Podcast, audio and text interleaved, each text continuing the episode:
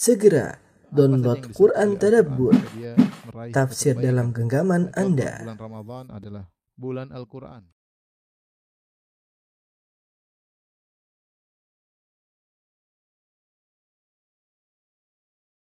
Bismillahirrahmanirrahim. Assalamualaikum warahmatullahi wabarakatuh. Alhamdulillahi ala ihsani wa syukru lahu ala taufiqihi wa amtinani. Asyhadu an la ilaha illallah wahdahu la syarika lahu ta'ziman li sya'ni wa asyhadu anna Muhammadan abduhu wa rasuluhu da'ila ridwani. Allahumma salli alaihi wa ala alihi wa ashabihi wa ikhwani. Eh, rekan-rekan sekalian di Surabaya dan juga di eh, tempat yang lainnya yang dirahmati oleh Allah Subhanahu wa taala. Insyaallah pada kesempatan kali ini adalah pertemuan perdana bagi kita untuk membahas suatu kitab yang sangat baik untuk dibahas yaitu kitab karya atau risalah risalah kecil karya eh, Syekh Muhammad bin Abdul Wahab rahimahullahu taala yang judulnya adalah Fadlul Islam ya. Fadlul Islam atau keutamaan Islam atau keistimewaan Islam atau keindahan Islam. Terserah kita mau namakan keutamaan Islam, keistimewaan Islam atau keindahan Islam. Ini semua tercakup dalam kata Fadlu al-Islam.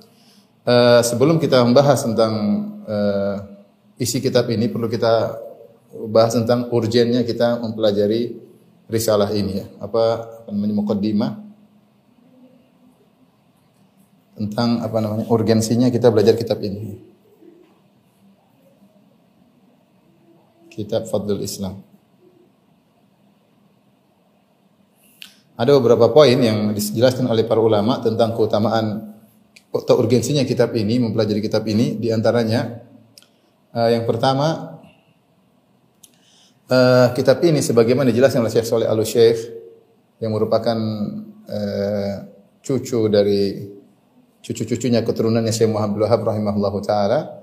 Beliau mengatakan bahwasanya kitab ini tidak disyarah oleh anak-anak Syekh dan juga tidak disyarah oleh murid-murid terdekat Syekh sehingga butuh penjelasan, lebih detail tentang kitab ini. Ya, berbeda dengan kitab-kitab karya Syekh yang lainnya seperti kitab Tauhid ya disyarah oleh cucunya, disyarah oleh anaknya ya. Eh, demikian juga murid-muridnya dan juga kitab-kitab yang lain. Tetapi kitab Fadlul Islam eh, tidak disyarah langsung oleh murid-murid langsung Syekh Muhammad bin Abdul Wahab rahimahullahu taala Eh, sehingga ini semakin menjadikan para ulama punya perhatian untuk menjelaskan kitab ini dengan dengan lebih detail. Oleh karena kita dapati banyak ulama perhatian dalam mensyarah kitab ini ya. Di antaranya Syekh Saleh Al-Syekh hafizahullah taala, kemudian Syekh Saleh Al-Fauzan hafizahullah taala, kemudian juga eh, Syekh Sulaiman Ar-Ruhaili juga mensyarah eh, kitab ini. Eh, kemudian juga Nasir Al-Aqal juga mensyarah kitab ini ya. Banyak ulama yang eh, mensyarah kitab ini sehingga kita akan dapatkan syarah mereka, penjelasan mereka dengan lebih mudah karena telah dijelaskan oleh eh, para ulama kibar ya. Jadi poin pertama bahwasanya eh, kitab ini eh, tidak disyarah langsung oleh eh, anak-anak syekh, anak dan cucu penulis eh, juga tidak oleh murid-murid penulis.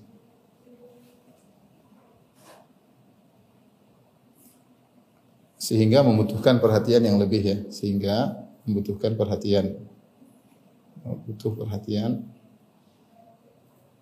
untuk menjelaskan isinya.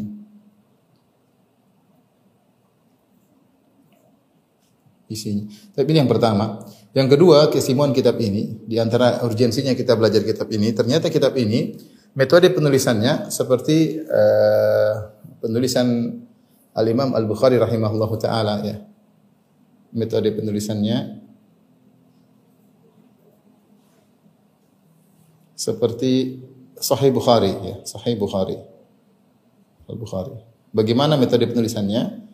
Yaitu judul, metode penulisannya itu judul, judul bab, kemudian uh, dalil dari Al-Quran, Al-Quran, kemudian dalil dari hadis, kemudian perkataan salaf, perkataan salaf.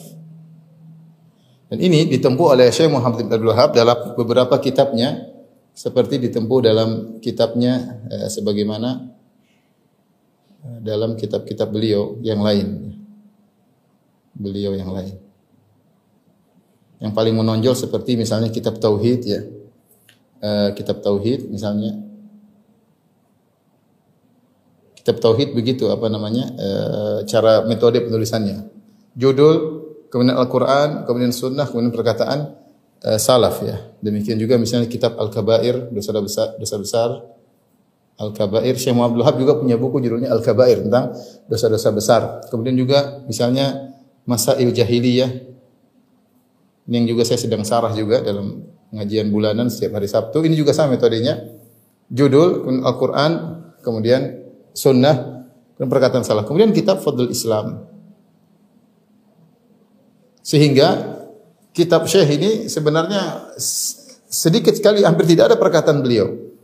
Ya, beliau menampilkan Al-Qur'an, kemudian sunnah, kemudian uh, hadis ya. Kemudian hadisnya perkataan uh, salaf ya. Jadi di antara cerita yang menarik yang disampaikan oleh Syekh Saleh Al-Fauzan dalam Syarah Fadlul Islam, beliau bercerita bahwasanya ada seorang ulama dari India yang kerjanya selalu mendoakan kecelakaan atau keburukan bagi Syekh Muhammad bin Abdul Wahab. Selalu dicela, dicela ya. Uh, kemudian ada seorang yang di atas sunnah ya jengkel mendengar orang ini selalu mencela Syekh Abdul Wahab rahimahullah taala. Maka satu hari dia ambil kitab tauhid. Kitab tauhid itu kecil ya. Kalau di Saudi dijual cuma satu real, kecil kitab kutaib kecil. Kemudian dia robek penulisnya, dia cuma kasih isinya. Dia bilang, "Syekh, bagaimana menurut antum tentang buku ini?" Uh, ini Syekh yang suka mencela Syekh Muhammad bin Wahab rahimahullah taala tidak pernah membaca buku-buku Syekh Muhammad bin Wahab. Cuma mendengar laporan katanya Syekh begini karena kita sudah pernah bahas dalam pembahasan tentang sejarah Syekh Muhammad bin Wahab rahimahullah bahwasanya beliau dituduh dengan tuduhan yang sangat buruk. Dituduh mengaku sebagai nabi lah, uh, dituduh membenci ahlul bait, dituduh men mengingkari karomah para wali, macam-macam tuduhan-tuduhan yang tidak benar sampai dituduh menjadi mengaku sebagai nabi. Tentu orang yang mendengar hal ini pasti mencaci maki Syekh Muhammad Wahab rahimallahu taala.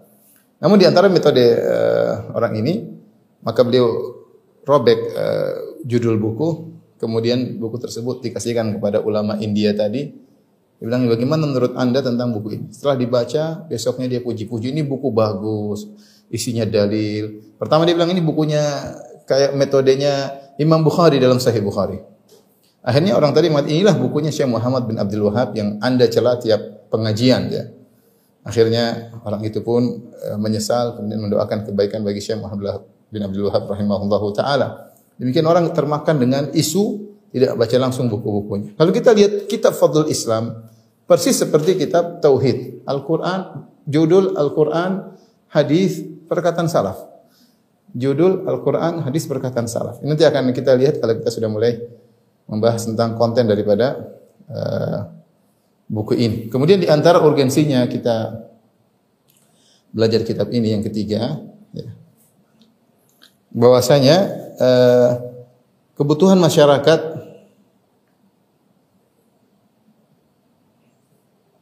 masyarakat untuk mengenal keistimewaan, mengenal lebih dalam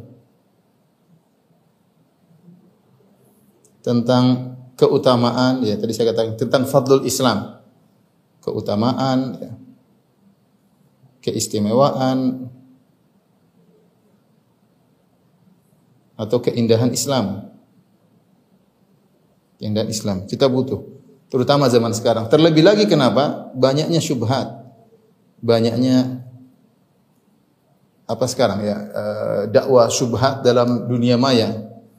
Banyak syubhat di medsos di dunia maya. Banyak sekali ya. Betapa banyak orang sekarang bisa jadi ateis ya, ragu tentang Islam atau kemudian terjebak dengan syubhat liberal sehingga menganggap semua agama sama sehingga tadinya dia yakin terhadap Islam menjadi ragu, mulai condong pada agama yang lain.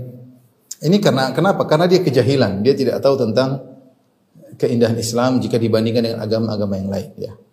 Maka perlu kita angkat, kita tunjukkan tentang keistimewaan agama Islam dibandingkan agama-agama yang lain. Jadi di antara fungsi kita belajar buku ini, uh, saya akan kasih mukadimah tentang keistimewaan Islam sebelum saya masuk dalam uh, uh, kitab ini. Jadi perlu seorang untuk mengkokohkan imannya ya eh, agar bisa dengan cara mengenal lebih jauh, lebih dalam tentang indahnya Islam.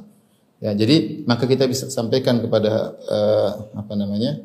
keistimewaan selanjutnya atau keurgensinya belajar kitab ini untuk membantah syubhat. Syubhat-syubhat seputar Islam.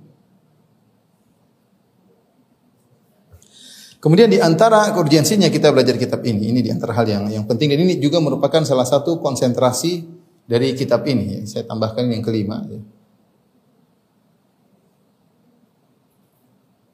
Kitab ini menjelaskan tentang Islam yang sahih. Ya. E, masyarakat butuh tentang e, metodologi mengenal Islam yang sahih.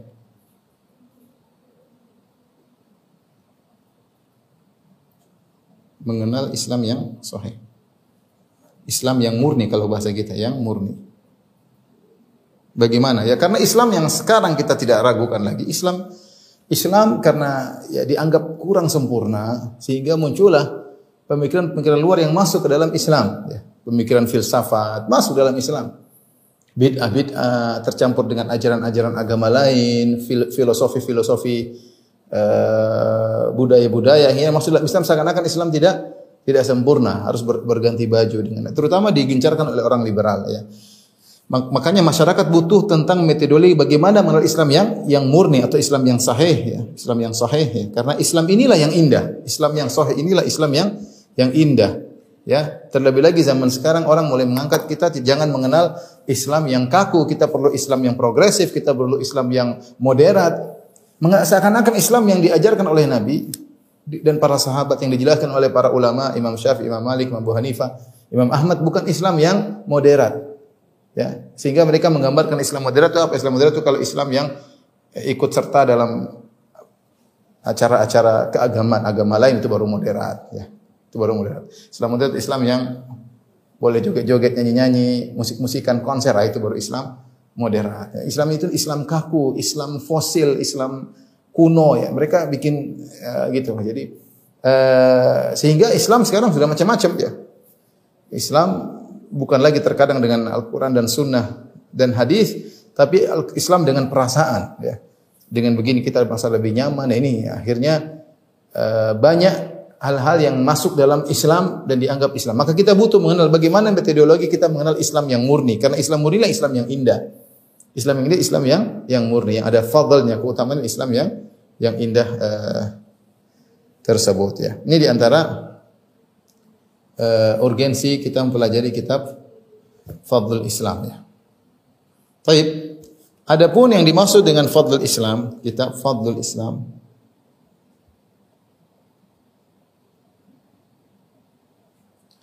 uh, kemuliaan Islam. Ini bisa ditinjau dari beberapa sisi ya. Uh, bisa dari fadlul Islam, keutamaan Islam,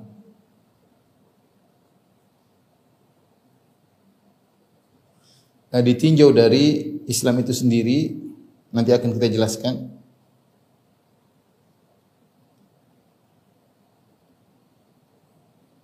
kemudian ditinjau dari jika dibandingkan dengan agama lainnya. Ditinjau jika dibandingkan dengan agama lain. Dengan agama atau pemikiran ya, agama-agama lain. Kemudian yang kedua, uh, fadlul Islam uh, ala ahlihi atau li ahlihi ya. Ala ahli itu keutamaan Islam bagi pengikutnya. Ini juga pembahasan tersendiri. Jadi ini dibahas dalam buku ini ya. Ya. Uh, ini kira-kira yang dimaksud dengan ya, apa namanya mukaddimah yang saya sampaikan. Pertama tentang uh, urgensinya kitab ini, yang kedua makna dari fadlul Islam. Fadlul Islam adalah kemuliaan Islam ditinjau dari Islam itu sendiri mulia, kemudian ditinjau dari perbandingan Islam dengan agama yang lain. Kemudian juga ditinjau dari pengatur Islam Eh, apa namanya mulia bagi pengikutnya. Artinya orang yang masuk Islam dia akan mendapatkan kemuliaan. Orang yang masuk Islam akan mendapatkan kemuliaannya. Maksudnya yang masuk Islam akan mendapatkan kemuliaan.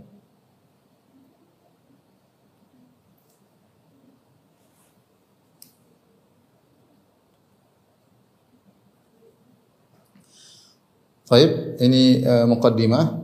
Insyaallah setelah ini kita akan masuk dalam pembahasan uh, keistimewaan Islam ya. Saya akan mulai dari pembahasan ini terlebih dahulu ya.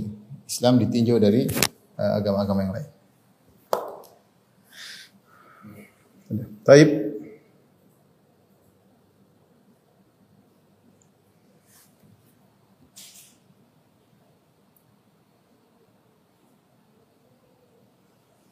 Ikhwan dan akhwat yang dirahmati Allah Subhanahu wa taala. Uh, tentu kita tahu bahwasanya Islam adalah salah satunya agama yang diterima oleh Allah Subhanahu wa taala. Akan ada pembahasan khusus tentang ini. Allah berfirman, "Inna dina indallahil Islam." Sesungguhnya agama yang paling yang diterima hanyalah Islam ya. Uh, pada kesempatan ini kita akan bahas tentang keistimewaan Islam ya.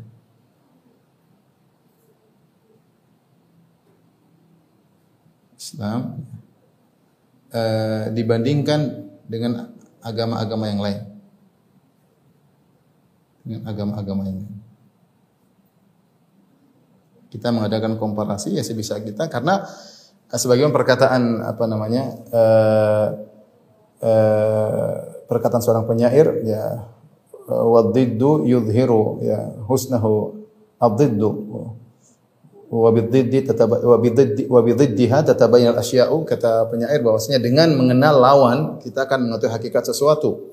Ya. Bagaimana kita mengetahui tauhid? Kalau kita tahu kesyirikan maka akan nampak keindahan tauhid ya. Seperti itu ya.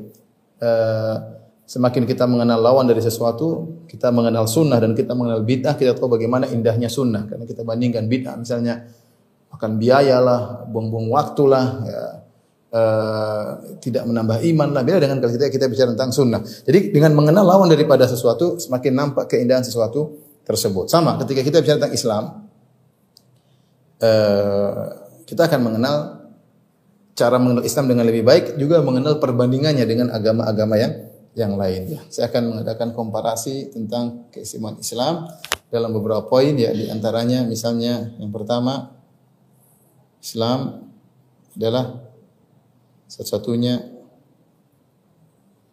agama yang menyuruh kepada tauhid. Pada tauhid.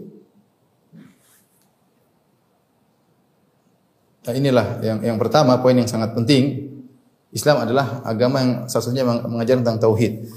Eh, para ahli sejarah menyebutkan peristiwa tentang Ma'rakat Al-Qadisiyah, perangan yang dipimpin oleh Sa'ad bin Abi Waqqas radhiyallahu taala anhu di zaman pemerintahan Khalifah Umar bin Khattab radhiyallahu taala anhu ketika itu Umar mengirim pasukan menuju Irak menuju daerah Persia dan sebelum terjadi peperangan terjadi dialog antara utusan kaum muslimin dengan pemimpin panglima uh, pasukan Persia. Ketika itu panglima pasukan Persia namanya Rustum. Dan salah satu utusan yang diutus oleh Sa'ad bin Waqqas untuk menemui Rustum adalah Ribi'i bin Amir radhiyallahu taala seorang sahabat. Dia datang dengan Penampilan sangat sederhana. Intinya terjadilah dialog. Apa pertanyaan Rustum kepada Ribi bin Amir? Ma ja'abikum? Apa yang buat kalian ke sini? Kenapa harus jauh-jauh datang dari kota Madinah ke Irak? Bawa pasukan segalanya. Ma ja'abikum? Apa yang buat kalian sampai datang kemari? Maka ada jawaban indah dari uh, Ribi ini berkata, Allahu bta'athana. Allah yang mengutus kami. Wallahu ja'a bina linukhrija man sya'a min ibadatil ibad ila ibadatillah. Allah mengutus kami untuk mengeluarkan orang dari peribadatan kepada makhluk kepada peribadatan terhadap Allah Rabbul makhluk. Kepada Allah yaitu pencipta makhluk. Untuk mengeluarkan orang dari peribadatan kepada makhluk kepada peribadatan kepada pencipta para makhluk. Ya. Kemudian berkata, "Wa min dhikid dunya ila si'atil akhirah." Untuk mengeluarkan seorang dari sempitnya dunia kepada lapangnya akhirat. Wa min jawril adyan ila adil Islam, untuk keluar dari uh, kezaliman agama-agama yang lain menuju adilnya Islam. Jawaban yang sangat indah dari Bi'i bin Amir radhiyallahu taala dia mengatakan liyukhrija man syaa min ibadatil ibad ila ibadati rabbil ibad. Mengeluarkan orang-orang yang menyembah dari peribadatan kepada makhluk kepada peribadatan kepada Rabbul makhluk. Dan itu benar ya. Islam agama yang sangat detail yang benar-benar konsentrasi untuk mengajarkan peribadatan kepada Allah semata. Begitu saking detailnya sampai kita diajarkan sampai detail-detail masalah tauhid segala pintu-pintu yang menyuruh kepada kesyirikan dilarang. Sampai kalau kita dapat nikmat kita nggak boleh bilang kalau bukan karena dokter mungkin saya sudah meninggal dunia. Kalau bukan karena polisi mungkin saya sudah uh, dibunuh oleh penjahat misalnya nggak boleh. Sampai seperti itu menisbahkan nikmat karunia kepada Allah mengatakan kalau bukan karena Allah kemudian dengan sebab polisi. Kalau bukan karena Allah kemudian dengan sebab uh, dokter harus begitu. Ya. Agama mana yang mengajarkan seperti ini? Allah mengatakan ya'rifuna nikmatallahi tsumma yunkirunaha. Mereka mengetahui nikmat-nikmat Allah kemudian mereka mengingkarinya. Di antara bentuk pengingkaran terhadap nikmat Allah menisbahkan nikmat kepada selain Allah Subhanahu wa taala. Dalam tafsir ayat ini sebagian sebagian orang mengatakan kalau bukan karena nahkoda kita yang canggih mungkin kita sudah tenggelam. Siapa yang ngajar detail seperti ini? Sampai detail mengajarkan tidak boleh riak, tidak boleh sum'ah, tidak boleh ujub. Agama mana yang mengajarkan demikian? Cari. Kenapa? Karena begitu detailnya Islam dalam mengajarkan peribadatan kepada Rabbul Ibad kepada Allah Subhanahu wa taala. Selain Islam, semuanya mengajarkan kepada peribadatan kepada makhluk. Selain Islam semuanya mengajarkan kepada peribadatan kepada makhluk. Entah beribadah kepada manusia, entah beribadah kepada nabi, entah beribadah kepada malaikat, entah beribadah kepada jin, entah beribadah kepada pohon, kepada batu, kepada hewan, kepada mayat, ya. Semuanya mengajarkan kepada kesyirikan. Ya, contoh Agama samawi saja ya. Yang seharusnya asalnya adalah kepada tauhid ternyata mengajarkan kepada kesyirikan. Allah berfirman wa yahudu uzairun ibnullah wa nasara al-masih ibnullah. Dzalika qauluhum bi afwahihim yudahiuna qaula alladziina kafaru min qabl. Qatalahumullahu anna yufakun. Kata Allah Subhanahu wa taala berkata orang Yahudi bahwasanya Uzair adalah putra Allah. Uzair ini adalah seorang yang saleh. Ada yang mengatakan dia seorang nabi. Menurut versi orang-orang Yahudi, ketika Taurat hilang, Taurat pernah hilang. Kemudian Allah mengilhamkan kepada kepada Uzair untuk mendiktekan kembali Taurat yang hilang ya. Ini pengakuan mereka ya. Tentu Allah alam akan kebenarannya. Saking hebatnya Uzair ini, akhirnya mereka mengatakan Uzair ibnullah. Uzair adalah putra Allah. Sama seperti Al-Masih. Wa qalatil Nasara Al-Masih ibnullah. Orang-orang orang-orang Nasara mengatakan Isa adalah putra Allah. Saking solehnya, saking mulianya dikatakan putra Allah. Dzalika qauluhum bi afwahim. Itulah perkataan mereka dengan mulut-mulut mereka. Yudahiuna qaulal ladzina kafaru min qabl. Mereka meniru perkataan orang musyrikin sebelumnya. Orang musyrikin mengatakan al malaikatu banatullah. Mereka mengatakan malaikatlah putri-putri Allah. Sama, yaitu statusnya anak, entah anak laki-laki, entah anak perempuan. Ya, qatalahumullah anna yufakun. Jadi semua agama mengajarkan kepada uh, kesyirikan ya. Kalau itu saja agama samawi, itu pun mengajarkan orang kepada uh, kesyirikan, bagaimana lagi dengan agama-agama yang uh, yang lain. Ya. Padahal kita tahu bahwasanya ini semua telah diingkari oleh Nabi uh, uh, Isa alaihissalam. Ya. Dan apalagi agama yang contoh uh, apa namanya misalnya filsafat Yunani kuno ya. Yunani filsafat Yunani ada filsafat Yunani kuno, ada filsafat modern. Filsafat Yunani kuno menganggap misalnya mereka mengagungkan gunung Olympus, di situ ada dewa-dewa yang kemudian bertengkar macam-macam, yang tinggal di gunung tersebut. Ya, sampai ada namanya dewa Zeus, punya anak namanya hasil selingkuhnya dengan manusia, punya namanya Hercules dan macam-macam ini juga mengajarkan kepada kesyirikan. Demikian juga uh, agama Hindu mengajarkan kepada Trinitas, ada dewa pencipta, ada dewa perusak, ada dewa pemelihara ya. Kemudian juga tentang bahwasanya ada titisan anak ya. Ini masalah anak nih memang anak Tuhan ini suatu bukan hal yang baru bagi uh, bagi dalam kesyirikan ya. Tadi Yahudi dan Nasara telah didahului oleh orang musyrikin.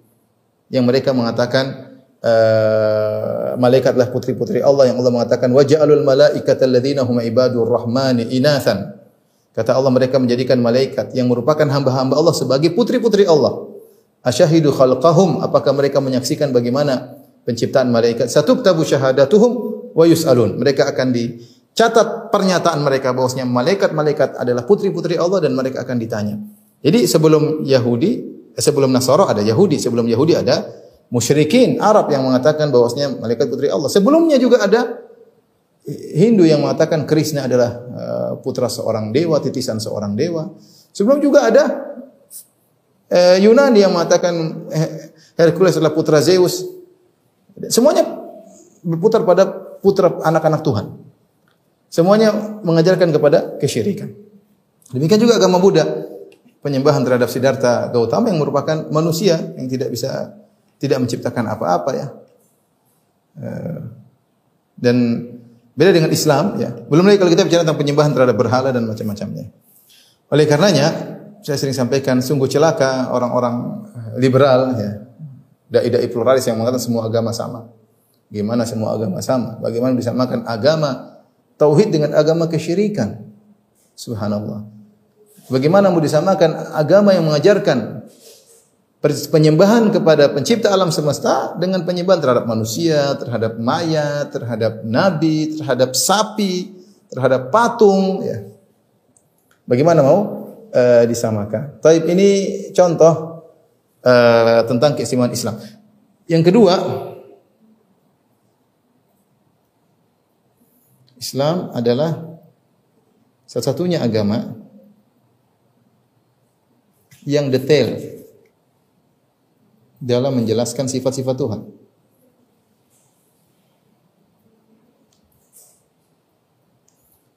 Secara logis ya, secara secara logis.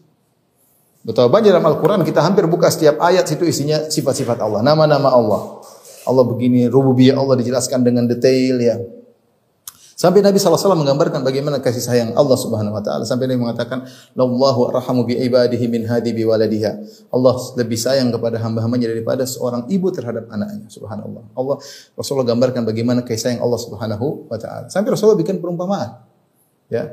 Sampai Rasulullah SAW mengatakan juga dalam uh, hadis yang lain, "Lallahu asyadu farahan bi, bi taubati abdi hina yatubu ilaihi min ahadikum kana ala rahilati bi ardi falatin fan falatat minhu. Sungguh Allah Subhanahu wa taala lebih gembira dengan tobatnya seorang hamba yang bertobat kepada Allah daripada gembiranya salah seorang dari kalian yang bawa ontanya di tengah padang pasir kemudian padang ontanya tersebut ucul, kabur wa alaiha ta'amu wa syarabuhu yang di mana bekal makanan minumannya ada masih dalam onta tersebut kemudian dia kabur dengan buah bekalnya kemudian dia putus asa fataja ala ala tahta dhilli syajarah kemudian dia berbaring di bawah uh, naungan sebuah pohon, faqad ayyisa min rahilatihi dan dia sudah putus asa enggak mungkin ontanya kembali. Dan dia menunggu kematian yang datang secara tadrijian, secara bertahap. Mulai kehausan, kelaparan, dia yakin akan mati, dia tinggal tunggu mati di situ.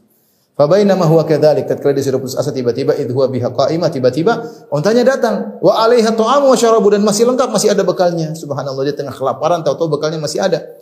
Fa akhadha bi khitamiha maka dia segera memegang tali kekang onta jangan sampai ucul kembali dan dia saking gembiranya dia berkata Allahumma anta abdi wa ana rabbuk. Ya Allah sungguh benar engkau adalah hambaku dan aku adalah Tuhanmu. Kata Nabi SAW akhta'a min syiddatil farah. Dia saking gembiranya salah ngomong. Dia ingin mengatakan ya Allah syukur syukur. Benar-benar engkau Tuhan aku hamba. Tapi salah ngomong. Kata dia syukur syukur ya Allah aku ini Tuhan engkau hambaku. Perkataan kafir perkataan kekufuran tapi salah ngomong ini orang gembiranya luar biasa. Kata Nabi, Allah asyadu farah.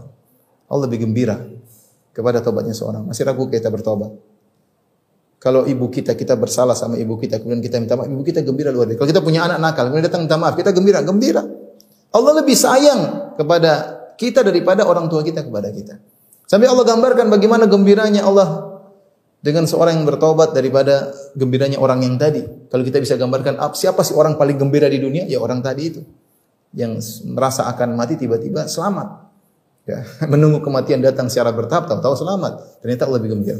Ini maksud saya Islam mengajarkan detail sifat-sifat Allah yang semuanya logis dengan sifat-sifat yang dibahas oleh para ulama dalam kitab-kitab sifat, kitab-kitab nama-nama Allah, wal ghafurul wadud, Allah Maha mengampun, Allah Maha begini, wal azizul hakim dan seterusnya. Coba kita bandingkan agama-agama lain. Mereka tidak menjelaskan tentang Tuhan mereka secara detail. Saya pada titik tertentu mereka memang kita taklid aja sudah. Ini nggak bisa dilogis logikakan. Suruh taklid. Uh, contoh kaum Nasara, kalau sudah dijelaskan tentang Trinitas, mereka sulit menjelaskan. Akan ada banyak versi tentang Trinitas, banyak versi. Karena mereka bingung tentang apa yang mereka yakini, tidak logis. Sampai Ibn Taimiyah rahimahullah berkata, "Walihada yuqal, law ijtama asyratan minan nasara, laftaraqu ala ahda asyara qaulan." Kalau ada 10 orang Nasara bergabung, kemudian ditanya tentang Trinitas, akan ada 11 pendapat. Maksudnya 10 orang ada 11 pendapat. Saking mereka tidak ngerti apa yang mereka ucapkan. Saya sendiri dulu punya kawan-kawan dari uh, dari uh, kaum Nasara, saya tanya tentang Trinitas, mereka punya versi beda-beda. Ada yang Trinitas begini, yang Trinitas begini, ya. Sehingga sulit untuk menjelaskan bagaimana uh, Tuhan uh, manusia ya. Atau perkataan firman Allah, Tuhan perkataan kemudian jadi makhluk ya. Atau bagaimana kemudian ya, susah ya. Bagaimana mereka bisa menjelaskan tentang uh, konsep Tuhan. Semakin dijelaskan semakin membingungkan. Semakin dijelaskan semakin membingungkan. Makanya sebenarnya menjelaskan kalau kita berdiskusi sama orang Nasara, jangan berdiskusi tentang masalah babi, jangan berdiskusi tentang masalah talak, berdiskusi tentang khamar, enggak, diskusi langsung tentang konsep ketuhanan. Ya, karena tidak tidak logis ya. Ada Tuhan Bapa, Tuhan Anak, Tuhan Roh Kudus. Kemudian Tuhan anaknya mati, misalnya. Tapi siapa yang bunuh Tuhan? Siapa yang bisa bunuh Tuhan pertama? Apa Tuhan mati sendiri? Pertama. Yang kedua, ketika Tuhan mati, Tuhan mati. Taib, apakah Tuhan yang lain dua ikut mati juga? Dua ikut mati juga. Kalau mereka bilang ikut mati selesai alam semesta tidak ada Tuhan. Ya, kalau Tuhan mati gimana? Kalau mereka bilang dua Tuhan ini tidak ikut mati, ya berarti ini tiga, tidak tidak satu. Berarti Tuhan anak beda dengan Tuhan Bapa. Ya, berarti jangan dikatakan Trinitas tiga sama dengan satu, satu sama dengan tiga. Intinya uh, ini kita buat bicara tentang masalah Nasrani, bicara tentang masalah agama lain misalnya ada Tuhan pencipta, Tuhan perusak, Tuhan apa namanya pemelihara ya. Kemudian bagaimana seorang yang misalnya Siddhartha bagaimana bisa disembah, bagaimana kemudian bicara tentang berhala kok disembah. Logika fitrah manusia harusnya menyatakan kita ini menyembah yang menciptakan kita. Bukan kita menyembah apa yang kita ciptakan. Ya, bukan kita menyembah apa yang kita ciptakan. Ata'buduna ma tanhitun ketika Nabi Ibrahim alaihissalam menegur kaum jadi mengatakan apa kalian menyembah apa yang kalian pahat?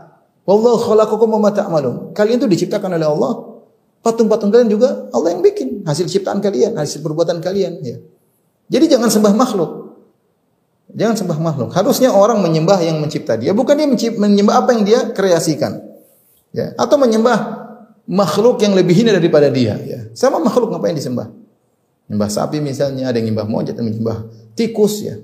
Aneh-aneh. Oleh karenanya Islam adalah agama yang uh, detail menjelaskan tentang konsep ketuhanan secara detail tidak akan secara logis menurut saya tidak akan didapatkan pada agama-agama yang yang lainnya. Kemudian uh, di antaranya Islam adalah agama yang komprehensif, yang lengkap. Lengkap. Uh, saya ingat seorang saya dulu saya baca buku uh, apa namanya buku karya seorang Yahudi namanya David Santalina ya tentang filsafat bagaimana filsafat masuk dalam firqa-firqa Islam ya dan dia uh, Yahudi dia pandai bahasa Yunani tapi dia tinggal di Tunis dan dia pakar madhab Maliki meskipun dia tidak masuk Islam dia punya buku karangan tentang fikih Maliki dan dia menyatakan bahwasanya Islam sudah cukup. Orang tahu agama Islam sudah cukup, tidak butuh agama yang lain. Dia saja tahu meskipun dia tidak masuk Islam, dia bilang Islam ini sudah lengkap. Ya, tidak perlu butuh kepada agama-agama yang lain, tidak perlu filsafat dari Yunani, tidak perlu Islam sudah lengkap. Ya. Islam sudah sudah lengkap. Makanya Allah berfirman al-yauma akmaltu lakum dinakum. Pada hari telah kusempurnakan bagi kalian agama kalian. Insyaallah akan datang penjelasannya uh, pada pertemuan berikut atau berikut berikut insya Allah. Sampai Salman Al Farisi didatangi oleh orang musyrik dan dia berkata, "Qad allamakum nabiyyukum kulla syai'in hatta al-khira'ah." Nabi kalian mengajarkan kepada kalian segala sesuatu sampai masalah buang hajat. Kata Salman, ajal benar. Kami diajarkan segalanya. Masalah buang hajat pun diajarkan adab-adabnya. Apalagi perkara yang lain, apalagi perkara uh, akidah, perkara siasah, perkara politik, perkara keyakinan, perkara, semuanya diajarkan. Lihat buku fikih Islam lengkap. Masalah hudud, masalah semuanya lengkap. Kenegaraan, masalah rumah tangga, masalah tetangga, masalah persahabatan, adab-adab bersahabat, adab makan, adab minum, semuanya diajarin. Apalagi yang kurang, semuanya ada sunnahnya. Mau dapat di mana agama, agama seperti ini? Berumah tangga. Tidak akan antum dapati dalam agama lain. Gak ada. Islam detail lengkap. Lengkap. Semua ada sunnah, semua ada aturannya. Yang jika semua manusia menjalani aturan ini akan bahagia. Tapi mereka tidak bahagia. Kenapa? Karena mereka menyimpang dari aturan tersebut. Sampai cara menceraikan, masa iddah, aturan cerai diajarkan. Aturan kembali, aturan waris semua diajarkan. Lengkap. Ya, lengkap. Oleh karenanya Allah Subhanahu wa taala ketika mengutus Nabi Muhammad SAW, Allah menjadikan skenario kehidupan Rasulullah SAW skenario yang lengkap. Kita baca buku sirah kita dapat bagaimana Rasulullah SAW sebelum jadi Nabi, bagaimana Rasulullah SAW menggembalakan kambing, bahkan sebelum Rasulullah yang menjadi Nabi, Rasulullah SAW menikah, kemudian beliau punya anak, kemudian bagaimana dalam kondisi sulit, bagaimana ketika diintimidasi, semua lengkap. Bagaimana kemudian ketika istri beliau meninggal, bagaimana ketika ditinggal orang yang dicintai, bagaimana anak-anaknya ketika beliau meninggal. Bagaimana ketika beliau membuat suatu negara, bagaimana dalam negara tersebut di kota Madinah ternyata ada komunitas yang ada Yahudi, ada orang musyrikin, bagaimana sikap Nabi menghadapi komunitas tersebut. Bagaimana ketika mereka Nabi berperang, bagaimana hukum-hukum perang, bagaimana kelembutan rahmat Nabi dalam berperang. Bagaimana ketika Nabi bisa berdamai dengan musuhnya, diatur. Bagaimana Nabi Pernah punya uh, pembantu Yahudi bagaimana Nabi menjenguknya ketika dia sedang sakit. Bagaimana Nabi kemudian berinteraksi dengan Yahudi di pasar Yahudi. Banyak lengkap, apa yang kurang? Sehingga permasalahan semua dijelaskan. Sampai Ibnu Qayyim punya buku Ahkam Ahli Zimmah tentang hukum terkait dengan orang kafir yang tinggal dalam negara Islam. Lengkap. Lengkap. Dalam urusan rumah tangga oh banyak sekali. Masalah pemeliharaan hadana, masalah oh banyak, lengkap semua. Dan itu tidak akan terdapat di dalam ajaran agama yang lain. Ya. Sampai kata Rasulullah SAW, "Idza kuntum thalatha, fala yatanajal itsnan duna thalith." Hatta takhtalitu bin nas, lianna dzalika yuhsinuhu. Kata Nabi SAW, jika kalian tiga orang, jangan dua orang bisik-bisik, yang satu tidak diajak. Sampai kalian bercap berbaur dengan manusia.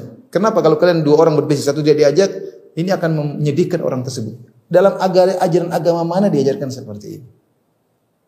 tentang bagaimana akhlak dalam persahabatan, akhlak dalam majelis. Ya ayyuhalladzina amanu idza qila lakum tafassahu fil majalis fafsahu. Ya. Jika kalian dikatakan merapat maka merapat, lengkap ya, lengkap.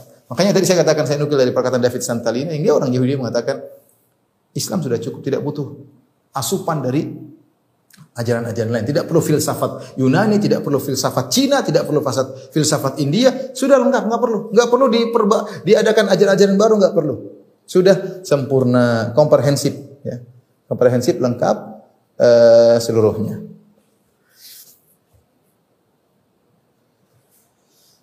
Taib, kita bilang lagi ya. Di antara keistimewaan Islam, Islam adalah satunya agama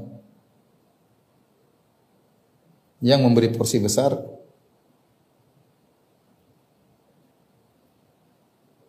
terhadap akhlak. Nabi SAW bersabda, Inna ma bu'ithu li utami makarimal akhlak. Sungguhnya aku ini diutus untuk menyempurnakan akhlak.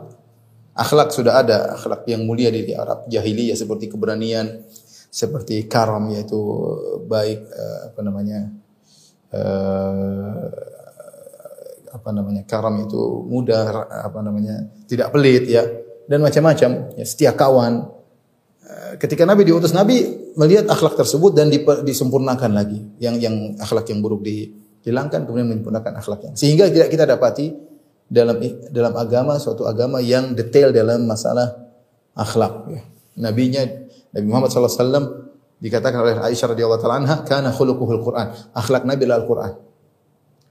Yang Allah bersumpah tentang agungnya akhlak Nabi. Nun wal qalami wa ma yasturun. Ma anta bi ni'mati rabbika bimajnun wa inna wa innaka wa inna laka la ajran ghairu mamnun wa innaka la ala khuluqin azim. Allah bersumpah. Sungguhnya engkau wa innaka itu wow demi Allah innaka Allah bersumpah nun demi Eh, demi uh, apa nun wal qalam demi qalam kemudian Allah mengatakan wa innaka la ala khuluqin azim sungguh engkau benar-benar di atas akhlak yang mulia dan benar Islam coba siapa yang dapati contoh sederhana agama yang mengajarkan akhlak bagi orang tua di mana detail seperti Islam bagaimana terhadap ibu, keutamaan terhadap ibu. Sampai ada seorang yang berjihad, kata Rasulullah SAW, ahayun walidah, apakah orang tua masih hidup? Iya, kata Rasulullah SAW, eh, apa namanya, kembali kepada kedua orang tuamu, fafihi mafajahid, berjihadlah dalam berbakti kepada orang tuamu. Rasulullah SAW berkata kepada ibu, izlam rijlaiha fasammal jannah, lazimilah kedua kaki ibu, sesungguhnya di situ ada surgamu. Subhanallah. Lihat agama yang mengajarkan berbakti kepada orang tua tidak ada seperti Islam. Nah. Lihat kita praktek nyata ya, praktek nyata. Syekh Abdul Razak hafizahullah pernah bercerita. Uh, ada seorang masih Islam gara-gara melihat sekeluarga orang-orang Arab yang kemudian sedang berlibur di, di daerah mereka, mungkin ada kunjungan atau apa. Kemudian ketika ibunya keluar dari dari mobil maka semua berebutan untuk melayaninya, mendorongnya, menggendong semua ditemani oleh anak-anaknya sampai di hari ini ini siapa mereka seperti ini? Siapa seperti ini mengajari berbakti kepada orang tuanya? Semakin orang tua semakin jompo, semakin tua semakin dibaktiin. Sampai dia pengen tahu ini agama ini masuk Islam. Akhirnya masuk Islam. Coba untuk melihat orang-orang seperti non muslim, orang kafir di udah tua-tua saya sering lihat. Ya, dia beberapa hari saya di sana lihat orang tua bawa anjing kasihan. Kadang ngobrol sama anjing saya lihat. Anaknya ke mana sih bingung. Ibu-ibu bawa anjing. Kasihan. E, nanti rumah sakit nggak ada yang jenguk. Ya. Sering orang tua meninggal di rumah sendiri. Ya, sering. Karena anak-anaknya nggak jenguk, mungkin nggak telepon, makin ya nggak tahu. Mungkin mereka dulu juga begitu ya. Lihat bagaimana orang Islam. Ya. Siapa yang mengajarkan berbakti sama orang tua seperti orang agama Islam? Nggak ada, nggak ada. Ya. Nggak ada. Jangankan akhlak kepada orang tua, bahkan Islam mengajarkan akhlak kepada tetangga, akhlak kepada istri. Siapa yang ngajar Islam yang kata Nabi, khairukum khairukum li ahlihi, sebaik-baik kalian adalah terbaik bagi istrinya. Dalam agama mana? Ya. Siapa yang mengajarkan tentang akhlak kepada hewan? Sampai Rasulullah SAW mengatakan, dakhalatin imra'atun naro fi hirratin habasatha hatta matat. La hiya eh, atau amatha wa la hiya tarakatha ta'kulu min khashashil ard seorang wanita masuk neraka gara-gara mengekang seekor kucing sampai mati kucing tersebut, tidak dikasih makan dan tidak dibiarkan cari makan sendiri, makan serangga-serangga di eh, atau hewan-hewan di, eh, di, di, di, di luar ya. Sampai akhlak terhadap hewan. Yang kata Nabi SAW, wasyat in rahimtaha rahimakallah. Kambing kalau kau sembelih dengan baik, dengan rahmat, ya, maka Allah akan merahmatimu. Seperti itu. Tidak boleh kita kemudian asah pedang, asah pedang, asah pisau di depan kambing atau motong kambing kambing yang lain lihat, nggak nggak boleh. Ya. Seperti sebagian sapi dipotong, sapinya masih kejang-kejang langsung dikerjain, langsung dikulit. Belum selesai dia mati sudah dipotong, nggak boleh. Ya. Makanya saya kemarin lihat acara kesyirikan di YouTube, ya, orang-orang Islam yang bikinnya. Ayam dipotong separuh, kemudian darahnya disebar, sebarkan subhanallah dia masih hidup di serabut sarahnya dipindah ini ini takzib seperti ini penyiksaan terhadap hewan. Islam tidak mengajarkan uh, demikian. Ini mau saya kalau kita bicara tentang akhlak maka Islam detail dalam masalah akhlak. Bahkan akhlak dalam peperangan. Saya punya risalah buku judulnya tentang akhlakul Islam fi uh, fil ma'rakah atau fil ghazawat ya. Yaitu akhlak Islam dalam peperangan, fil akhlakul Islam fil. Bagaimana Islam mengajarkan akhlak dalam peperangan ya sampai akhlak terhadap musuh, semua diajarkan ya. Dan itu tidak kita dapatkan kecuali dalam agama uh, Islam. Tapi berikutnya Islam agama tidak mengenal kasta.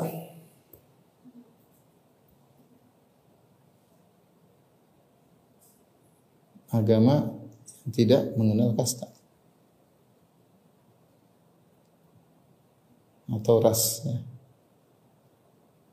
Tidak ya. Allah Subhanahu wa taala berfirman, "Wa arsalnaka ila rahmatan lil alamin." Kami tidak utus Islam kecuali engkau wahai Muhammad kecuali untuk rahmat bagi seluruh alam semesta ya. Allah menciptakan kita bersuku-suku berbangsa-bangsa untuk saling mengenal bukan untuk saling bangga-banggakan.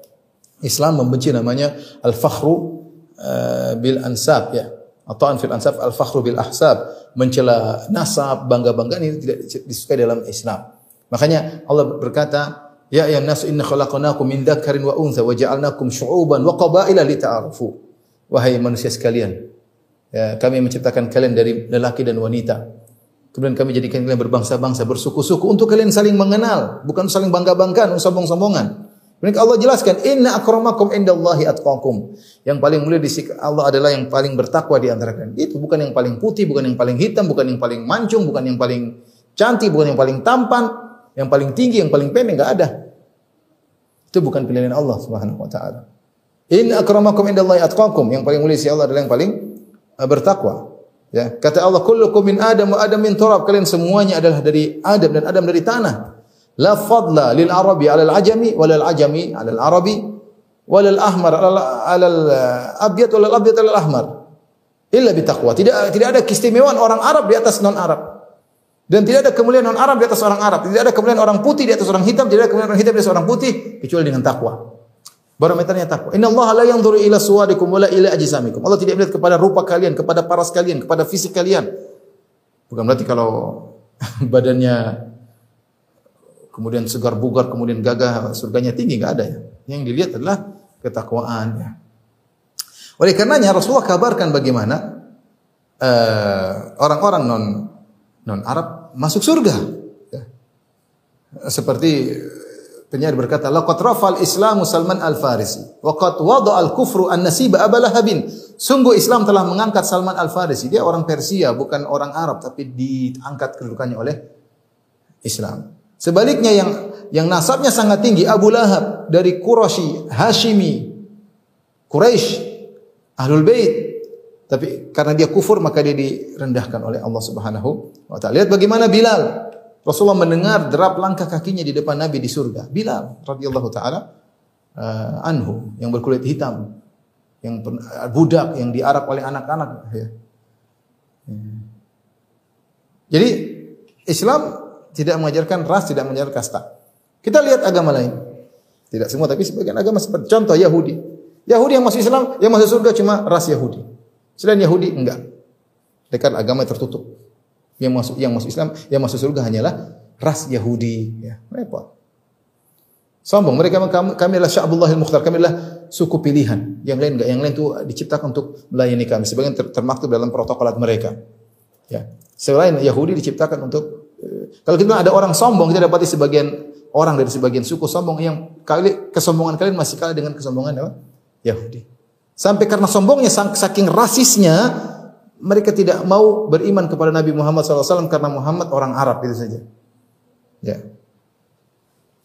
Kata Allah, eh, ya'rifunahu kama ya'rifuna abna'ahum. Mereka mengenal Muhammad SAW sebagaimana mereka mengenal anak mereka.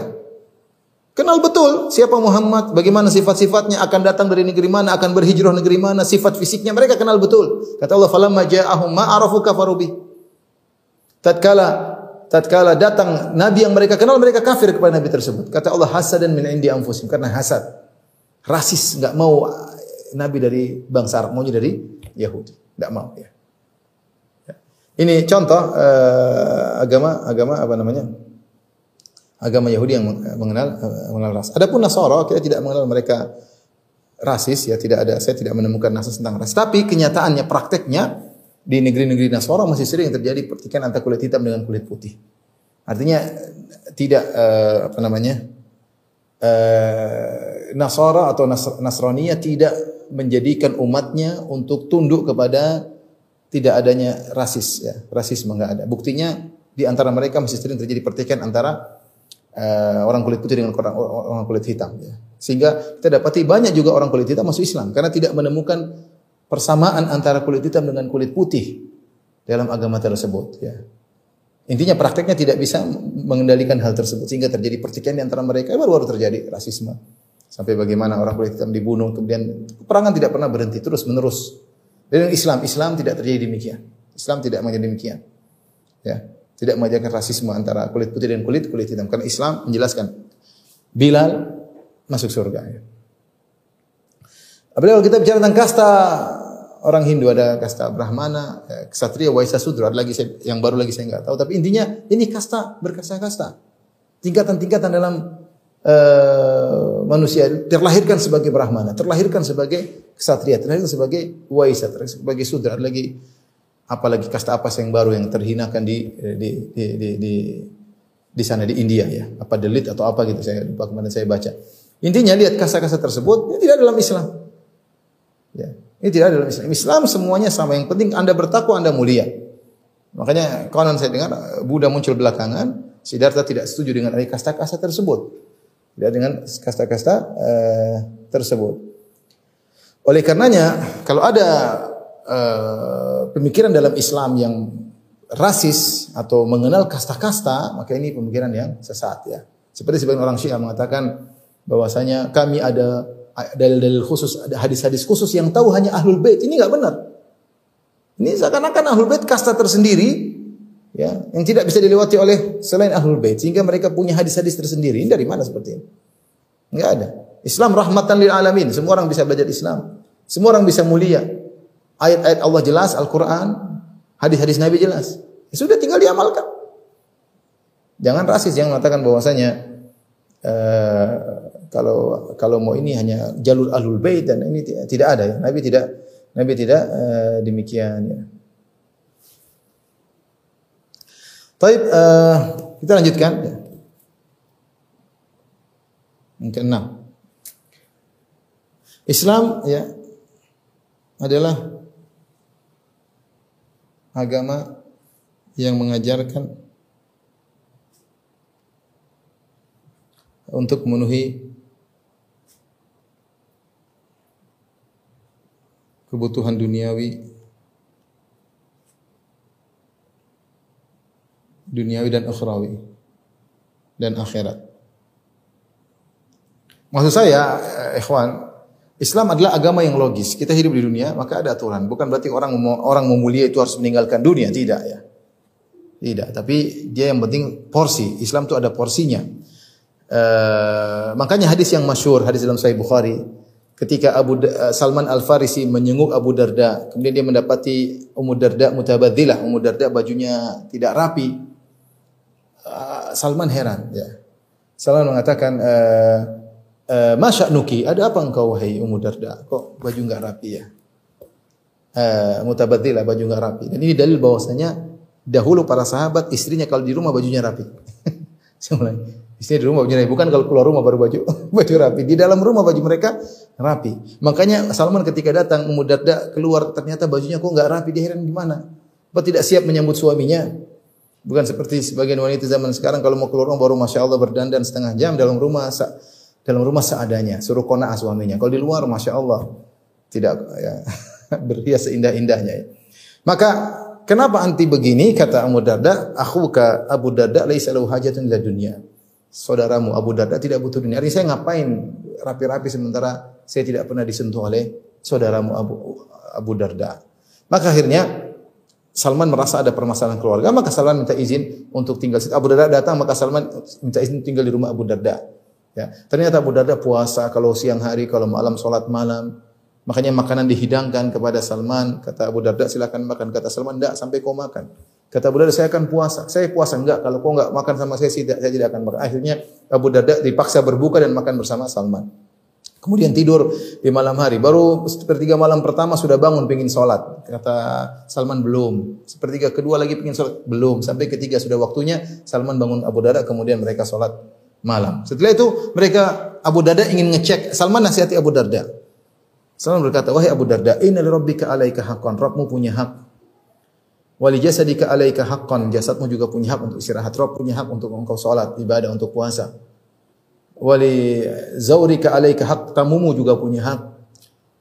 Wali ahlika alaika hak dan istrimu juga punya hak. Fa'atiku ladhi haqqin haqqah. Berikanlah masing-masing haknya. Abu Darda kurang serat. Maka ketika sholat subuh dia datang kepada Nabi. Dia berkata, ya Rasulullah begini cerita-ceritanya. Salman nasihat saya begini. Padahal saya semangat puasa, semangat sholat malam. Kata Nabi SAW, Sodako Salman. Salman benar. Jadi Islam mengajarkan Anda untuk menjadi termulia di sisi Allah bukan berarti harus tinggalkan dunia ini, tidak. Anda menjadi suami yang terbaik, Anda bisa jadi orang termulia di sisi Allah Subhanahu wa taala. Khairukum khairukum li ahlihi.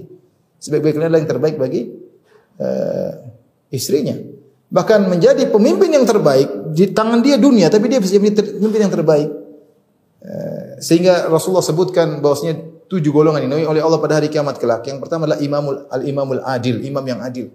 Sampai Sampai Syekh Islam Ibnu Taimiyah rahimahullah mengatakan al-imamul adil afdalu al, dia ada afdal mu'minina fi zamanihi wa afdal mujahidin. Dia adalah orang yang paling afdal mukmin, paling afdal di zamannya dan dia termasuk mujahid yang terbaik. Ya, artinya Anda bisa jadi apa saja untuk menjadi orang yang uh, mulia ya. Tidak harus meninggalkan dunia. Dunia ini kita perlukan. Yang penting porsinya jangan berlebihan ya. Lihat tadi Salman ditegur ketika porsi akhirat berlebihan dengan menumbalkan sebagian porsi dunia, ditegur dan salah. Dan akhirnya Rasulullah SAW membenarkan nasihat Salman ya. Tidak seperti sebagian agama lain ya. Yang berlebihan tentang dunia seperti Yahudi. Dunia ini adalah cita-cita mereka. Yawaddu ahadum lau yu'ammar alfas lau yu'ammar alfasana. Sebagai salah seorang dari mereka berharap kalau diberi umur seribu tahun. Artinya benar-benar cinta kepada dunia. Semuanya dia halalkan. Pokoknya selain Yahudi semuanya halal. Sama Yahudi mereka punya aturan. Tapi non Yahudi semuanya halal. Apa pun caranya nggak ada masalah. Dunia dikuasai dan mereka dapat dunia. Karena memang tujuan mereka dunia ya. Demikian juga sebagian kita dapati ya misalnya apa agama-agama yang ada di eh, Cina atau yang mana yang lainnya tidak ada aturan-aturan pokoknya dunia bisa-bisa. Sebaliknya kita juga tidak mengajarkan rohbaniyah seperti orang Nasara yang mengatakan namanya pastor kalau jadi kedudukan mulia di situ Tuhan tidak menikah ya kemudian tidak ini tidak ini tidak Islam tidak mengajarkan demikian menikah silakan para nabi mereka dulu Eh, menikah bukan berarti kalau menjadi orang mulia harus meninggalkan dunia. Tidak. Anda bisa memiliki dunia tapi yang penting dunia tidak masuk dalam hati Anda karena dunia akan ditinggalkan. Bagaimana Rasulullah SAW pernah memuji orang yang punya harta, nikmal mal salih rajul salih, sebaik-baik harta yang baik jika dimiliki oleh orang yang saleh. Bagaimana Rasulullah SAW pernah mengatakan la sada illa fisnatain, tidak ada kecuali kepada dua orang. Pertama, hasadlah engkau kepada seorang alim yang mengajarkan ilmunya. Yang kedua, hasadlah engkau kepada orang kaya ya yang telah mengeluarkan hartanya di jalan Allah Subhanahu wa taala. Ya. La hasal istisna rajulun atahu Allahu al-hikmah wa huwa yaqdi biha wa yu'allimuha wa rajulun atahu Allahu al-mal wa yusallitu ala halakati fil haq. Yang kedua, hasadlah engkau atau inginlah engkau seperti gibtah maksudnya, inginlah engkau seperti orang yang diberi harta kemudian digunakan hartanya di jalan Allah Subhanahu wa taala. Jadi Islam adalah agama yang uh, yang logis. Tidak seperti Yahudi yang cinta sama dunia, wala tajidannahum ahrasan nasi ala hayatin. Sungguh mereka orang Yahudi orang yang paling semangat tentang dunia dan tidak juga kemudian meninggalkan dunia seperti pastor orang Nasara. Tapi seorang muslim ya menjalankan dunia dengan baik bahkan bersabar berinteraksi dengan manusia. Ya kata Nabi SAW, al-muslim idza kana yukhalitun nas wa yasbir ala adahum khairun minal muslim ladzi la yukhalitun nas. Orang muslim yang berinteraksi dengan muslim yang lain dan dia bersabar lebih afdal daripada orang muslim yang menyendiri. Ya. Taib ini eh, tentunya masih panjang tapi kita eh, cukupkan pada enam poin ini sebagai mukadimah tentang keindahan Islam. Insyaallah kita lanjutkan pada pertemuan berikutnya. Kurang lebihnya saya mohon maaf. Wabillahi taufiq wal hidayah. Assalamualaikum warahmatullahi wabarakatuh.